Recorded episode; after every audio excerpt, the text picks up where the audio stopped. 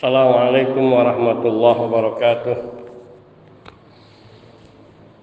الحمد لله رب الحمد لله رب العالمين والعاقبة للمتقين ولا عدوان إلا على الظالمين.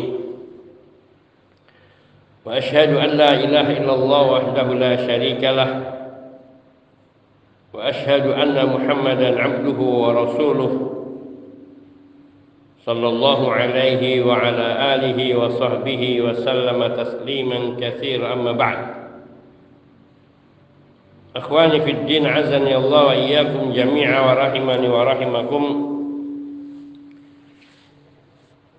kita masih di bab majaa fil kuhan wa nahwihim dalil-dalil yang berbicara tentang dukun para dukun dan orang-orang yang sejenisnya. Dan kita memasuki hadis yang kedua dari bab ini.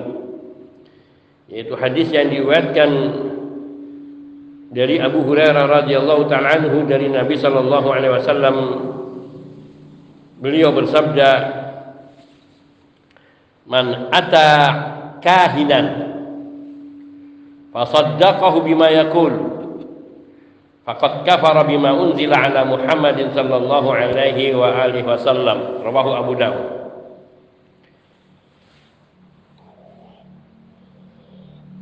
Wa sahahahu al-Albani rahimahullahu taala fi sahihil jami' Sabda Nabi sallallahu alaihi wa alihi wasallam man ataka man ataka kahinan. Barang siapa yang mendatangi seorang dukun Fasaddaqahu lalu ia membenarkannya, mempercayainya, membenarkan ucapannya, mempercayainya. Fasaddaqahu bima yaqul, membenarkan atau mempercayai ucapannya. Faqad kafara. Faqad kafara maka sungguh dia telah kafir. Bima unzila ala Muhammadin sallallahu alaihi wasallam terhadap wahyu yang diturunkan kepada Nabi Muhammad sallallahu alaihi wasallam yaitu kepada Islam. Hadis riwayat Imam Abu Dawud rahimahullah taala. Sabda Nabi sallallahu alaihi wasallam man ata kahinan Barang siapa yang mendatangi seorang dukun maka telah dijelaskan makna al-kahin yaitu ketika menjelaskan hadis tentang kahin ini yang pertama yaitu al-kuhan bahwa mereka adalah orang-orang laki-laki di ahya'il Arab yang tinggal di perkampungan bangsa Arab. Tanzilu alaihi musyayatin syaitan turun kepada mereka. Wa tukhbiruhum bima sami'at min akhbaris sama. Kemudian syaitan-syaitan itu memberitakan memberitahukan mengenai apa yang mereka dengar dari berita-berita langit.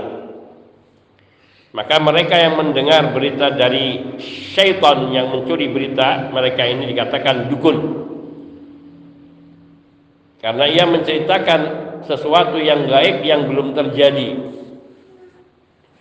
Oleh karenanya menurut Syekh Muhammad bin Shalih Al-Utsaimin rahimahullah taala, bila ada orang yang dibisiki oleh jin atau syaitan tentang sesuatu hal yang sudah terjadi seperti pencurian atau adanya kematian atau adanya peristiwa tertentu di daerah tertentu yang sudah lampau maka ini tidak termasuk dukun.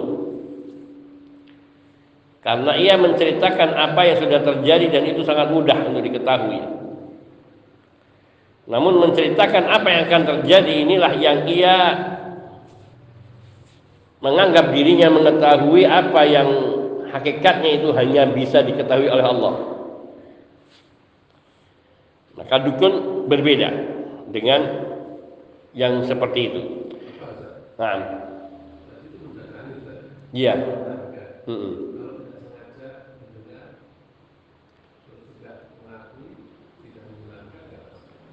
Enggak.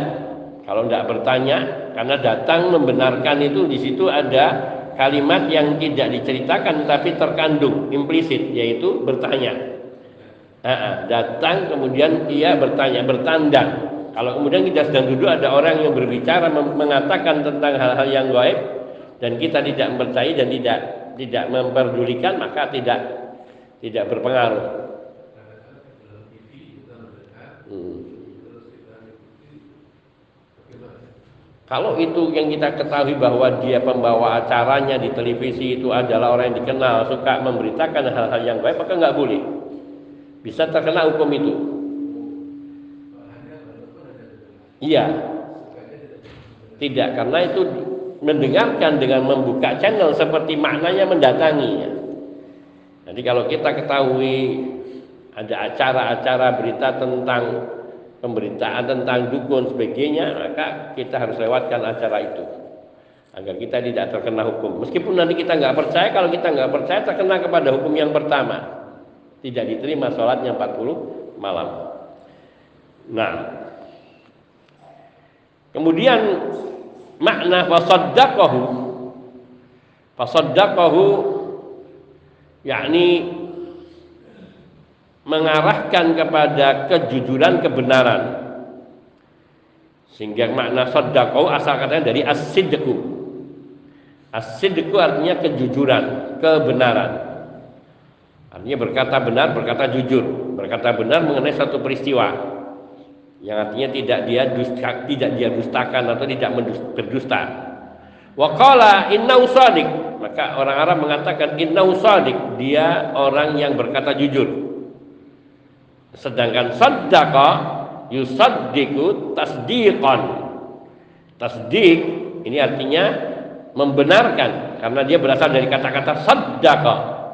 Artinya sidqun sadaqa yasduku berkata benar, tapi ketika dalnya dikasih sadda ini mengandung makna saddaqa membenarkan. Jadi memiliki fungsi menjadikan kalimat atau kata kerja intransitif menjadi kata kerja transitif. Sodako yasduku, ia berkata jujur, berkata benar. Sodako membenarkan, ia membenarkan orang yang berbicara. Maka tasdikul khabar, maka tasdikul khabar yaitu membenarkan berita artinya tasbituhu wa tahqiquhu, mengukuhkannya dan membenarkannya, tahqiquh membenarkannya, tidak mengingkarinya, tidak mendustakannya. Maka contohnya fahada haqqun wa sahihun wa sabitun.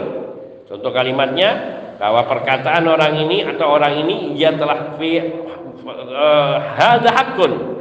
Apa yang dikatakannya adalah benar, sahihun, benar, sabitun, benar. Sabit juga mengandung makna benar yaitu teguh, kukuh, tidak goyah sehingga dikatakan kadang-kadang sahha anin Nabi sallallahu alaihi wasallam artinya telah diriwayatkan secara sahih dari Nabi sallallahu alaihi wasallam. Atau juga sabata an, an Rasulillah sallallahu alaihi wasallam artinya juga telah benar atau telah diriwayatkan secara benar dari Rasulullah sallallahu alaihi wasallam. Qauluhu bima yaqul Perkataan Nabi Shallallahu Alaihi Wasallam bima yakul yaitu ia membenarkan apa yang diucapkan si dukun ini.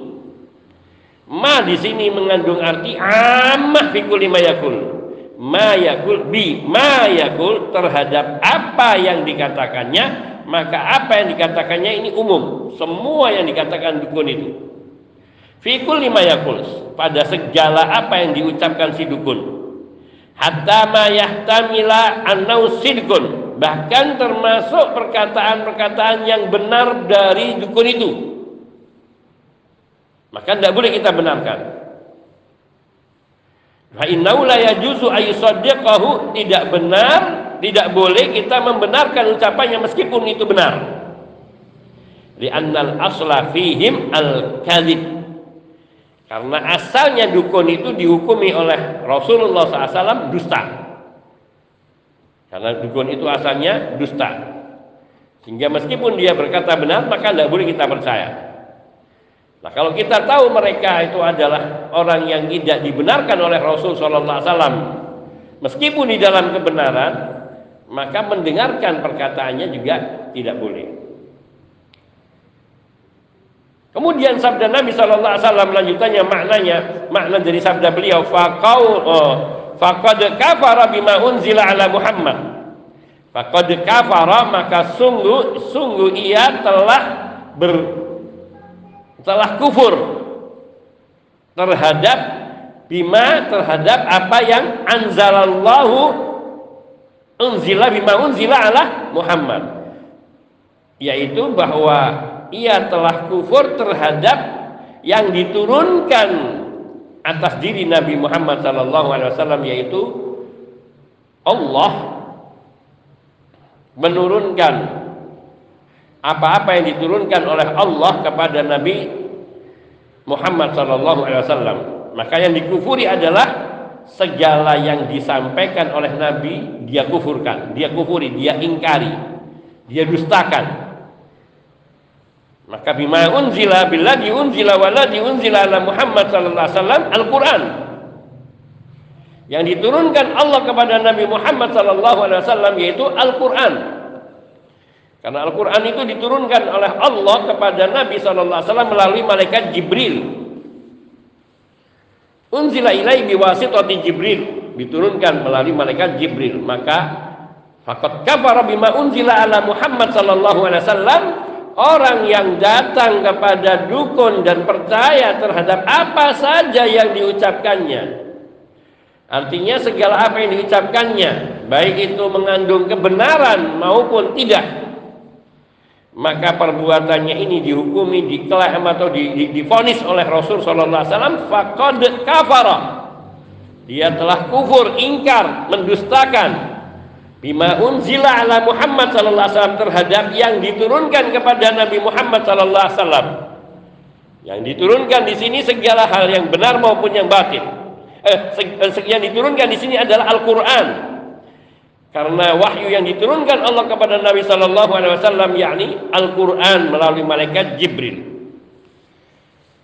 Maka orang yang mendatangi dukun dan percaya terhadap ucapannya dia telah kufur kepada Al-Quran. Allah tabaraka wa taala berfirman mengenai makna ini wa innahu latanzilu rabbil alamin nazala bihi ruhul amin dan sungguhnya Al-Qur'an itu adalah wahyu yang diturunkan oleh Rabbul alamin Rabb sekalian semesta alam nazala bihi ruhul amin yang dibawa wahyu ini dibawa turun oleh malaikat Jibril Ar-Ruhul Amin. Ruh yang terpercaya yaitu malaikat Jibril. Syuara, Asy-Syuara ayat 192 dan dan 193. Ini menerangkan makna unzila atau Al-Qur'an itu adalah wahyu yang diturunkan atau makna bima unzila ala Muhammad yang dimaksudkan adalah Al-Qur'an ini dalilnya. Innahu wa innahu latanziru rabbil alamin nazala bihir ruhul amin. Dan juga dalil lainnya adalah surat An-Naml ayat 102. Allah tabaraka wa taala berfirman juga, "Qul nazzalahu ruhul qudus min rabbik." Katakanlah wahai Rasulullah SAW, Al-Quran yang engkau bawa, katakan kepada mereka, Al-Quran ini diturunkan oleh malaikat Jibril yaitu Ruhul Kudus. Sebutan Allah kepada malaikat Jibril kadang Ar-Ruhul Amin dan Ruhul Kudus dan juga Jibril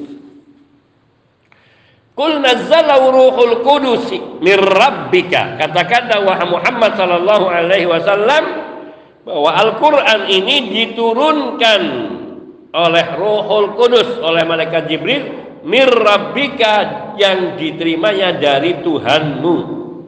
Jadi Al-Qur'an dari Allah Allah Azza wa Jalla.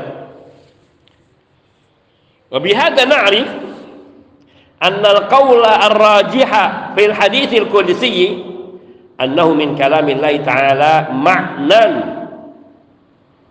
Maka dari sini dari keterangan-keterangan ini dapat kita ketahui.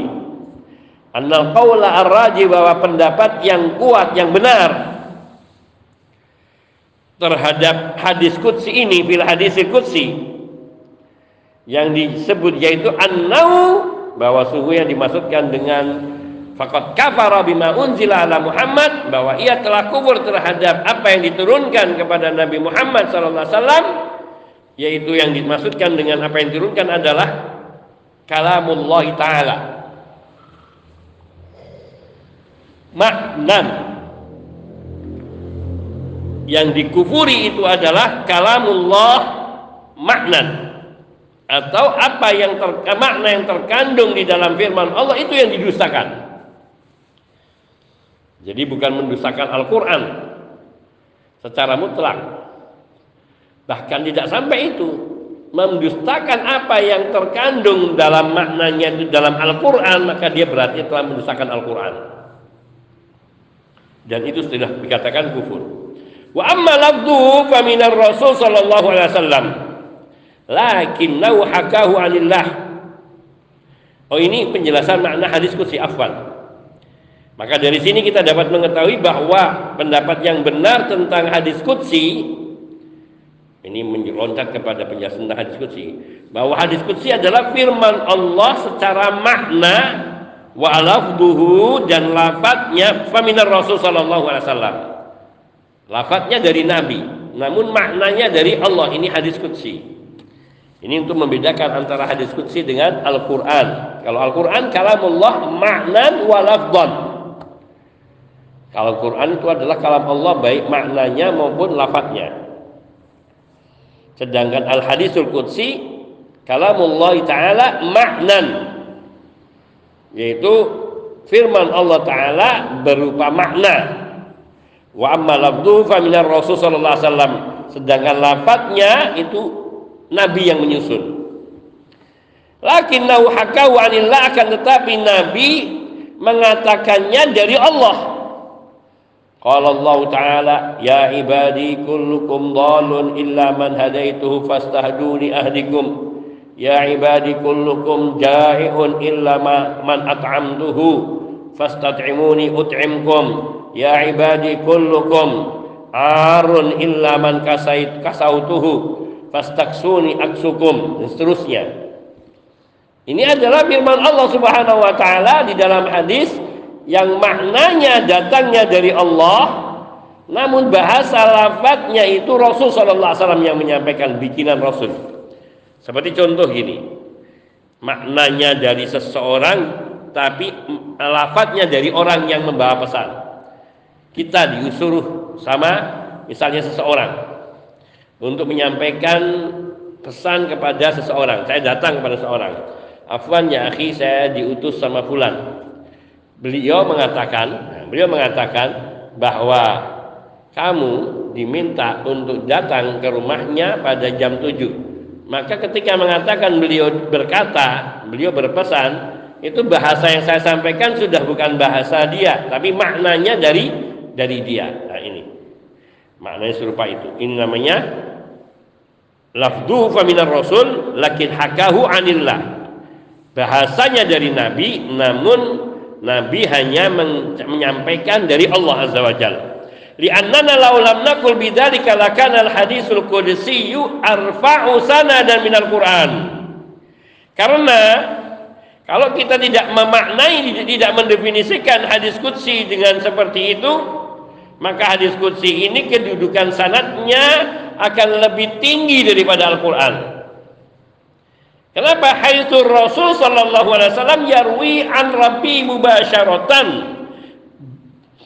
wal Qur'anu biwasitati Jibril. Kenapa kalau seandainya tidak dimaknai seperti ini akan menjadi kedudukannya lebih tinggi hadis qudsi dibandingkan Al-Qur'an?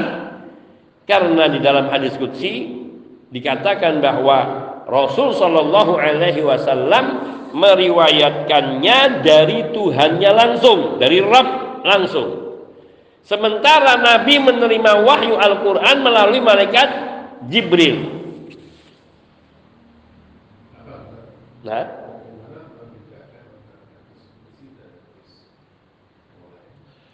baik. Membedakan hadis kutsi dengan hadis yang lain, apabila di dalam hadis kutsi ada perkataan Ya ibadi mengisyaratkan wahai hambaku karena yang memanggil seperti ini hanya Allah. Satu. Kedua ada perkataan dari Nabi atau perkataan perawi menunjukkan uh, an Rasulillah sallallahu alaihi wasallam yarwihi an rabbih. Hadis ini dari Rasul sallallahu alaihi wasallam yang beliau meriwayatkannya dari Rabbnya. Maka ketika dikatakan bahwa Nabi meriwayatkan dari Allah, dari Rabbnya, itu hadis kudsi.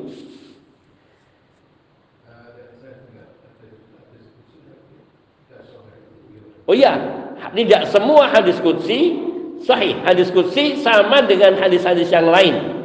Ada yang mutawatir, ada yang sahih, ada yang hasan, ada yang sahih li ghairi, ada yang hasan li ghairi, ada yang dhaif dan ada yang maudhu. Jadi hadis kudsi juga memiliki klasifikasi yang sama dengan hadis-hadis lainnya. Oleh karenanya oleh karenanya tidak semua hadis kudsi sahih kecuali ditelusuri sanatnya.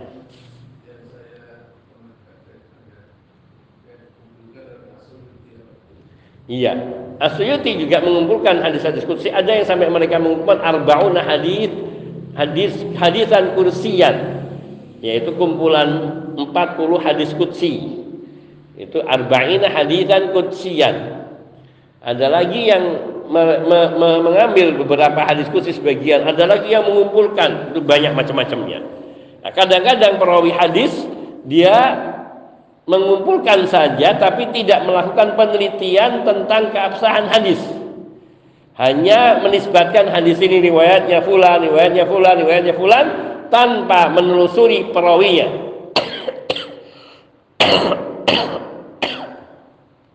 Tanpa menelusuri sanatnya. Apakah bersambung, apakah sanatnya sahih dan seterusnya. Maka tidak semua hadis kutsi itu sahih. Dia kedudukannya sama dengan hadis yang lain. Kemudian satu ciri yang sangat menonjol pada hadis kutsi yang tidak diucapkan pada hadis-hadis lainnya, yaitu di dalam hadis kutsi sering kali langsung di situ sebutkan qala Allah taala. Allah taala berfirman. Maka ketika ada riwayat yang menyebutkan di situ bahwa Nabi Shallallahu Alaihi Wasallam bersabda, kemudian Allah Subhanahu Wa Taala berfirman, maka itu hadis kutsi. Sama juga ketika Nabi meriwayatkannya dari Allah, yanzilu rabbuna kulla lailatin yanzilu rabbuna ila sama'id dunya kulla lailatin hina yabqa thuluthul lailil akhir. Rabb kita Allah Subhanahu wa taala setiap hari, setiap malam turun ke langit dunia ketika malam tersisa sepertiganya Hina yabqa sulusul lailin akhir. Ketika malam tersisa sepertiganya. Yaitu di sepertiga malam terakhir. Fayaqulu maka Allah berfirman Man yaghfir man yaghfiruni man yaghfiru man yastaghfiruni la aghfirahum la aghfirannahu Barang siapa yang meminta ampun kepadaku niscaya aku akan ampuni maka di sini penggalan ini sudah masuk kepada hadis kutsi. Karena kalau yaqulu, yaqul ini maksudnya adalah Allah taala yang berfirman. Maka ini ciri-ciri yang menonjol pada hadis kutsi. Kemudian perbedaan hadis kutsi dengan Al-Qur'an apa? Sama-sama firman Allah. Ada banyak perbedaan antara hadis kutsi dengan kalamullah. Yang pertama tadi bahwa Al-Qur'an mutawatir sahihnya mutawatir, tidak dilakukan. Karena langsung diterima dari malaikat Jibril disampaikan kepada Nabi, Nabi disampaikan kepada para sahabat dan Nabi memerintahkan seorang sahabat untuk mencatat. Sehingga satu Al-Qur'an itu mutawatir. Ketika Nabi wafat, semua firman Allah itu tercatat di dalam lembaran-lembaran catatan Al-Quran. Meskipun dalam belum berbentuk satu mushaf seperti yang sekarang ini. Karena kadang mereka menulis di pelepah kurma atau di pelepah pohon yang kuat atau kadang di kereweng-kereweng yang banyak itu atau kadang di eh, daun-daun uh, yang lebar besar dan macam-macam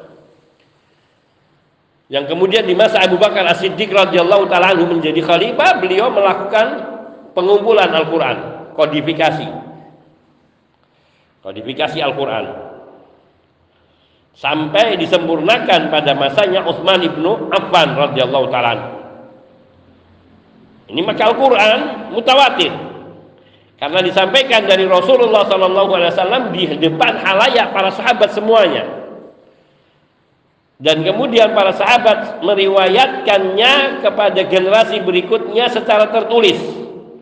Karena di masa Umar Ibn Khattab, di masa Abu Bakar Siddiq sudah mulai ditulis dalam satu kumpulan mushaf, meskipun belum sebagaimana yang ada di tangan kita.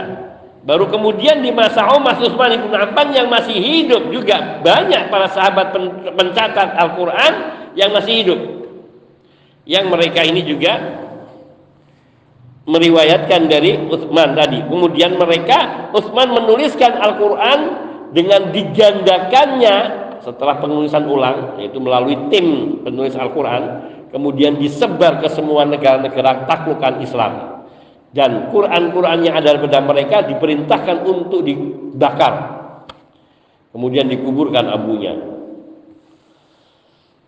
Ini satu. Al-Quran itu mutawatir. Sedangkan hadis kudsi, ya seperti yang Pak Salah tanyakan tadi bahwa dalam hadis qudsi ada yang sahih, ada yang dhaif, ada yang hasan, ada yang mutawatir sahih, ada yang sahih li ghairi, ada yang hasan, ada yang hasan li ghairi. Ada yang dhaif bahkan ada yang maudhu. Ada juga yang memalsukan hadis qudsi. Dan ini orang sudah sudah kelewatan. Hadis qudsi aja dimasukkan apalagi hadis biasa. Karena dia mengaku-ngaku Allah berfirman padahal Allah tidak berfirman. Satu pertama bahwa seluruh Al-Quran sahih mutawatir, sedangkan hadis kudsi tidak semuanya sahih. Ada yang mutawatir, tapi tidak semuanya. Ada yang sahih, tapi tidak semuanya. Ada yang hasan, tapi tidak tidak semuanya. Dan banyak juga yang palsu, banyak juga yang palsu, yang lemah, yang tidak sahih.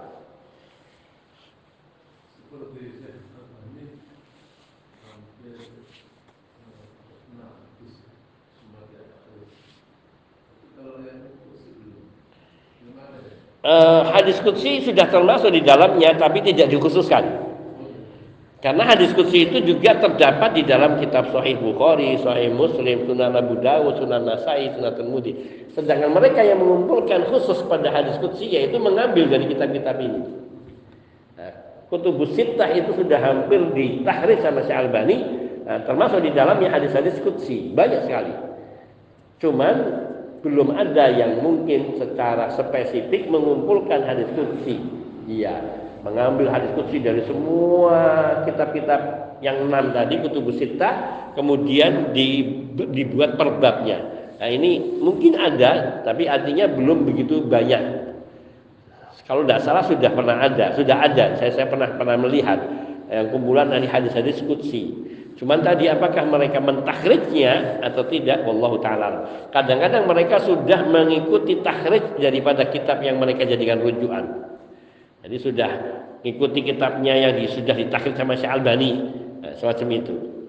Banyak penerbit yang mereka melakukan takhrij Syekh Albani tidak tidak melalui pentakhrijan Syekh Albani langsung namun pada kitab itu. Namun Syekh Albani sudah mentakhrij dalam kitab ini, kitab ini, kitab ini kemudian pen, pen, apa, pencetak kitab misalnya dia mencetak kitab Riyadus Solihin nah, Syekh Albani belum mentakhrij kitab Riyadus Solihin namun isi hadis-hadis yang terdapat di dalam kitab Riyadus Solihin terdapat pada kitab-kitab yang sudah ditakhrij oleh Syekh Albani rahimahullah taala. Sehingga Uh, ketika orang ini mau mentakhrid Sahih Al uh, Riyadhus Shalihin, dia kembalikan oh ini riwayatnya Imam Bukhari. Kembali kepada kitabnya Imam Bukhari yang sudah ditakhrid oleh Syekh Albani diterangkan begini. Oh ini riwayatnya An-Nasai. Kembali kepada kitab uh, An-Nasai dengan takhridnya Syekh Albani. Nah, Syekh Albani memilahkan Sahih Sahih Sunan An-Nasai, Sahih Sunan Ibni Majah, Sahih Sunan At-Tirmidzi, Sahih Sunan uh, apa namanya itu Abi Dawud juga ada kitab doaifnya doaif Sunan Abi Dawud doaif Sunan Tirmidzi doaif Sunan uh, Ibni Majah, dhaif Sunan An-Nasa'i. Jadi ada yang has sahih, ada yang dhaif. Yang sahih terdiri dari sahih dan juga dari hasan. Yang dhaif terdiri dari yang dhaif sama yang maudhu. Nah, dengan seperti ini maka kalau kita cari di kitab sahih sahih Sunan Abi Dawud misalnya tidak ditemukan berarti dia ada di dhaif Sunan Abi Dawud yaitu kumpulan-kumpulan hadis lemah yang terdapat di dalam kitab Sunan Abu Dawud. Maka ini fakot kafara bima unzila ala Muhammadin hakikatnya adalah kufur kepada kepada Al-Qur'an Dan kita katakan di sini ada masih ada dua, yaitu bahwa perbedaan Al-Quran dengan hadis kutsi. Bahwa hadis kutsi ada yang baik. Pertama, Al-Quran semuanya sahih, sedangkan hadis kutsi ada yang baik. Kedua, bahwa Al-Quran disyariatkan untuk dibaca di dalam sholat setelah fatihah. Namun meskipun sama-sama kalamullah firman Allah, hadis kutsi tidak boleh dibaca di dalam sholat bahkan membatalkan kalau kita baca meskipun itu adalah firman Allah meskipun bunyinya jelas ya ibadi kullukum dhallun illa man hadaituhu fastahduni ahdikum ya ibadi kullukum arun illa man kasautuhu fastaksuni aksukum ya ibadi kullukum jahi'un illa man at'amtuhu fastat'imuni ut'imkum terus Meskipun ini nggak bisa kita baca di dalam sholat ini. Kalau Al-Quran disyariatkan untuk dibaca di dalam sholat, namun hadis kutsi tidak boleh dibaca di dalam sholat. Ketiga, bahwa membaca Al-Quran memiliki pahala yang lebih tinggi dan secara khusus. Setiap hurufnya dijanjikan dengan 10 ke, satu kebaikan dan satu kebaikan bernilai 10 kebaikan sampai 700 kebaikan. Sedangkan membaca hadis kutsi ya berpahalanya seperti orang mempelajari tolabul ilmi. Seperti mempelajari ilmu. Jadi membacanya tidak memiliki tujuan ibadah secara khusus. Kemudian Al-Quran itu kalamullah lafad dan maknanya. Sedangkan hadis kutsi Al-Quran, al-hadis kutsi adalah lafadnya dari Nabi, maknanya dari Allah Subhanahu wa taala. Yang kelima,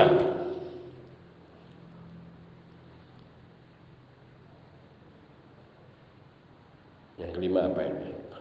Nah, minimal itu yang keempat tadi, empat macam tadi bahwa Al-Quran itu ada yang mutawatir, Al-Quran mutawatir semua, sedangkan hadis kursi ada yang baik, ada yang sahih, ada yang baik dan seterusnya. Al-Quran itu membacanya itu ibadah secara khusus, sedangkan hadis kursi bukan. Al-Quran itu disyariatkan dibaca di dalam sholat, sementara hadis kudsi tidak disyariatkan. Kemudian apa yang keempat tadi? Al-Quran itu lafaz dan maknanya dari Allah, sedangkan hadis kudsi hanya maknanya yang dari Allah, lafadznya dari Nabi Shallallahu Alaihi Wasallam. Di sana ada beberapa lagi perbedaan, cuman saya lupa uh, yang itu menunjukkan adanya perbedaan antara hadis kutsi dengan dengan Al-Quran Al-Karim. Ya, di antaranya lagi bahwa membaca hadis kutsi, membaca Al-Quran disunnahkan hukum minimal disunnahkan berwudu. Sedangkan membaca hadis kutsi tidak dianjurkan berwudu terlebih dahulu. Itu salah satunya lainnya. Maka hadis kudsi itu tidak tidak artinya tidak kedudukannya tidak lebih tinggi dari Al-Qur'an. Meskipun ia diriwayatkan oleh Nabi langsung dari Allah Subhanahu wa taala. Termasuk di antaranya perbedaannya bahwa hadis kudsi diriwayatkan oleh Rasul sallallahu alaihi wasallam langsung dari Allah. Sementara Al-Qur'an diturunkan kepada Nabi melalui malaikat Jibril. Ini perbedaan yang lain. Wali annahu law min kalamillahi lawajaba an tuthbata lahu ahkamul Quran. Kalau hadis qudsi ini dianggap termasuk kalam Allah lafadznya juga dari Allah, la wajaba la wajaba an tuthbata lahu ahkamul Quran maka la wajaba an tuthbita lahu ahkamul Quran. Niscaya lafaz-lafaznya hukum-hukum Al-Qur'an itu akan ditetapkan oleh hadis qudsi. Seandainya hadis qudsi itu lafadznya juga dari Allah maka dia akan ditetapkan termasuk hukumnya seperti hukum Al-Qur'an. Antus batalahu ahkamul Quran. Sehingga tidak ada bedanya boleh dibaca dari dalam sholat dan seterusnya tadi. Dan harus sahih semuanya kalau lafadznya uh, kalau lafadznya juga dari Allah Subhanahu wa taala. Lianna syar'a la yufarriq bainal mutamathilain karena syariat ini kaidahnya tidak membeda-bedakan antara dua hal yang berkesamaan atau serupa. Waqad ulima anna ahkamal Quran la tantabiqu 'alal hadisil qudsi. Dan sudah diketahui dimaklumi bahwa hukum-hukum dalam Al-Qur'an tidak sejalan selalu dengan hadis qudsi. Itu tadi perbedaan tadi. Fahuwa la yuta'abbadu bitalawati wa la yukra'u bisalah. Nah, tadi yang saya sebutkan contoh apa perbedaannya. Membaca hadis qudsi itu tidak dinilai ibadah seperti Al-Quran itu dibaca dan tidak boleh dibaca di dalam sholat wala ya'jizuhu labduhu wala labduhu dan lafat lafat-lafat hadis itu tidak seperti mukjizat dalam Al-Quran kalau Al-Quran tidak ada yang bisa meniru namun hadis kutsi bisa banyak orang yang meniru makanya mereka mengaku-ngaku ini dari Allah dari Rasulullah hadis kutsi ini tidak tidak selalu benar karena bahasanya Walau kana min kalamillah lakana mu'jizan. Kalau hadis qudsi itu adalah kalam Allah termasuk lafadznya kalam Allah, maka hadis qudsi juga mukjizat sebagaimana Al-Qur'an mukjizat.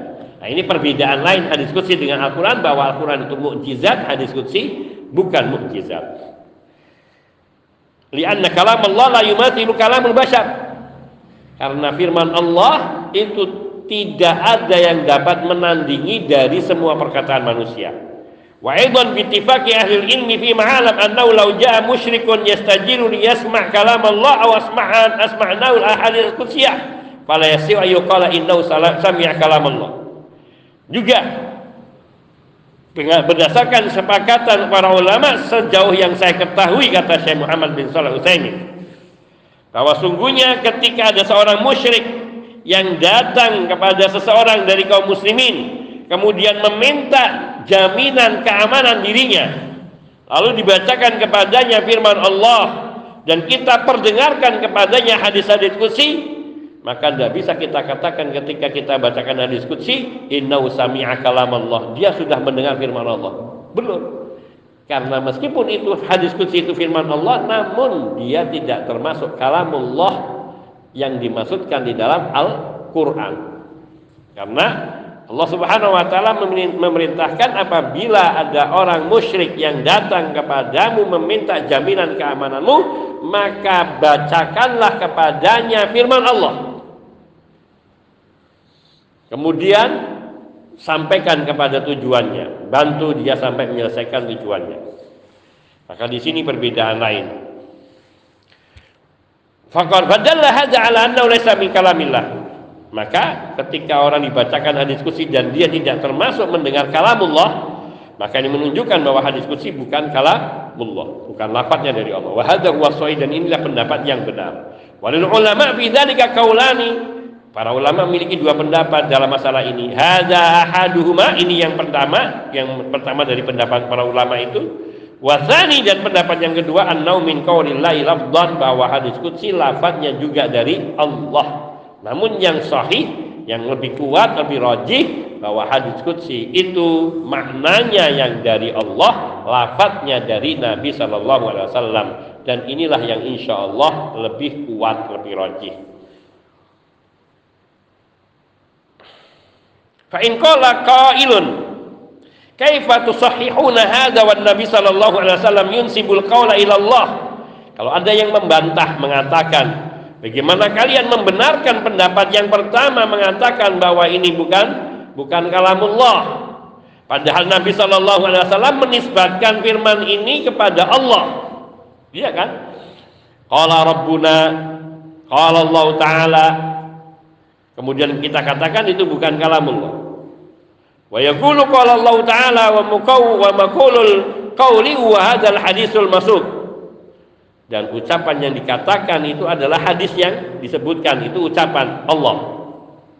Karena di dalam menyampaikan hadis qudsi, Nabi sering mengatakan qala Allah taala, Allah taala berfirman. Kulna kita jawab, hadza kama qala Allah taala an Musa wa Fir'aun wa Ibrahim. Qala Musa qala Fir'aun qala Ibrahim Sebenarnya ini seperti yang Allah firmankan ketika Allah bercerita tentang perkataannya Musa, Ibrahim, Fir'aun. Allah mengatakan, Qala Musa telah berkata Musa wa qala Musa liqaumihi ya qaumi. Ini yang mengatakan Nabi Musa tapi bahasanya adalah bahasa Allah. Lafadznya dari Allah. Maknanya adalah yang dikatakan oleh Musa. Selesai. Qala Fir'aun, qala Ibrahim dan seterusnya. Ma'annana na'lam anna hadzal lafdh laisa min kalamihim wala qaulihim. Dan kita tahu secara pasti bahwa lafaz Allah ketika mengatakan wa id qala Ibrahimu lika wa id qala Ibrahimu ya Rabbi. Arini kaifa tuhyil mauta misalnya dan juga wa qala Musa wa qala Fir'aun maka ini tidak berarti yang dikatakan Fir'aun, dikatakan oleh Allah wa qala Fir'aun itu benar-benar bahasa yang digunakan oleh Fir'aun. Tidak. Perkataannya, maknanya dari Fir'aun, dari Nabi Musa, dari Nabi Ibrahim dan lainnya, namun bahasanya dari Allah Azza wa Jalla. Maka kalau ini bisa dikatakan seperti itu, mengapa tidak bisa dikatakan pada hadis Qudsi? Lianna lughatahum laisatil lughah ala anna Allah subhanahu lianna lughatahum laisatil lughah al arabiyyah wa innama nukila naklan anhum wa innama naqala naklan anhum wa yadullu li hadza anna al qasasa fil Qur'an tahtalifu bituli wal qasri wal alfat. Satu, bahwa bahasa Nabi Musa, bahasa Nabi Ibrahim, bahasanya Fir'aun tidak sama dengan bahasa Arab. Dan Al-Quran semuanya adalah bahasa Arab. Dan ketika Allah menyebutkan si fulan berfirman, Fir'aun berfirman, Ibrahim berfirman, Musa berfirman, eh berfirman berkata, maka bahasanya adalah bukan bahasa Arab. Nabi Ibrahim, Nabi Musa alaihi wassalam, Fir'aun itu berkata dengan bahasa kaumnya yang bukan bahasa Arab namun Allah terjemahkan ke dalam bahasa Arab dengan lafaz dari Allah dengan estetika bahasa dari Allah retorika yang tinggi tadi. Sehingga Al-Quran tidak dapat diserupai oleh siapa pun. Wa innama naqala naqlan anhum Allah hanya menukilkan meriwayatkan dari mereka. Yang menunjukkan yang demikian ini karena kisah-kisah yang tersebut di dalam Al-Quran antara yang satu dengan yang lain berbeda dalam panjang, pendek, dan lafalnya. Kadang di ayat ini Allah masih berbicara panjang lebar, detail tentang Nabi Musa alaihissalatu wassalam. Di surat yang lain Allah berbicara pendek dengan bahasa yang berbeda dengan yang pertama. Karena Allah menyampaikan makna dan bukan menyampaikan bahasa. Nah, ini. Wa ma'adzalika yunsibu ilaihim namun tetap Allah menisbatkan ucapan itu kepada kepada orang yang mengatakan. Mimma yadullu ala anna Allah Subhanahu wa taala yang perlu bermakna perbedaan panjang pendek dan lafaz-lafaz cerita-cerita dalam Al-Quran menunjukkan bahwa Allah Subhanahu wa Ta'ala hanya menukilkan ucapan itu secara makna, tapi tidak secara lafaz. Dan tetap Allah mengatakannya ini perkataan Musa, ini perkataan Ibrahim, ini perkataan Fir'aun, ini perkataan Haman dan seterusnya. Ini seperti contohnya dalam surat Az-Zukhruf ayat 2627 Allah berfirman, "Wa id qala Ibrahimu li abihi wa qaumihi" Dan ingatlah tatkala Ibrahim berkata kepada bapaknya dan kaumnya, "Innani bara'um mimma ta'budun." Sungguhnya aku berlepas diri, bara'un artinya bariun, terlepas diri mimma ta'budun dari Tuhan-Tuhan yang kamu sembah. Illalladzi fatarani kecuali aku hanya menyembah kepada Tuhan yang telah menciptakanku yakni Allah Subhanahu wa taala. Maka di sini Allah ketika mengatakan wa qala Ibrahimu dan ingatlah tatkala Ibrahim berkata li abihi kepada ayahnya wa qaumihi dan kepada kaumnya innani sungguhnya aku. Itu bahasanya Allah. Bukan bahasanya Nabi Ibrahim. Innani bara'u mimma ta'budun. Sungguhnya aku berlepas diri dari tuhan-tuhan yang kalian sembah. Ini makna bahasa maknanya dari dari perkataan Nabi Ibrahim tapi bahasanya adalah dari Allah lafadznya. Nah, itu maknanya. Illalladzi fatarani. Surat Az-Zukhruf ayat 26 27 contoh lain. Ha?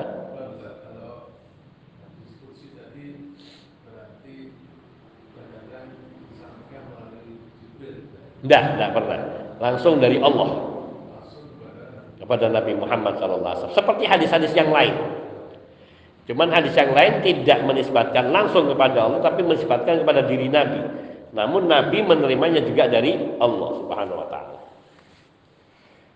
Contoh lain adalah perkataan Nabi Musa alaihissalam dalam surat Al-A'raf ayat 128. Di situ Allah berfirman, "Qala Musa liqaumihi" Berkata Musa kepada kaumnya, "Ista'inu billah." Kata-kata ista'inu billah minta tolonglah kepada Allah ini perkataan Nabi Musa, tapi bukan dalam bahasa Arab. Dan juga dengan bukan gaya bahasa seperti ini. Namun dibahasakan oleh Allah dengan bahasa Al-Qur'an. Yang bahasa Al-Qur'an itu adalah bahasa bahasa Allah juga.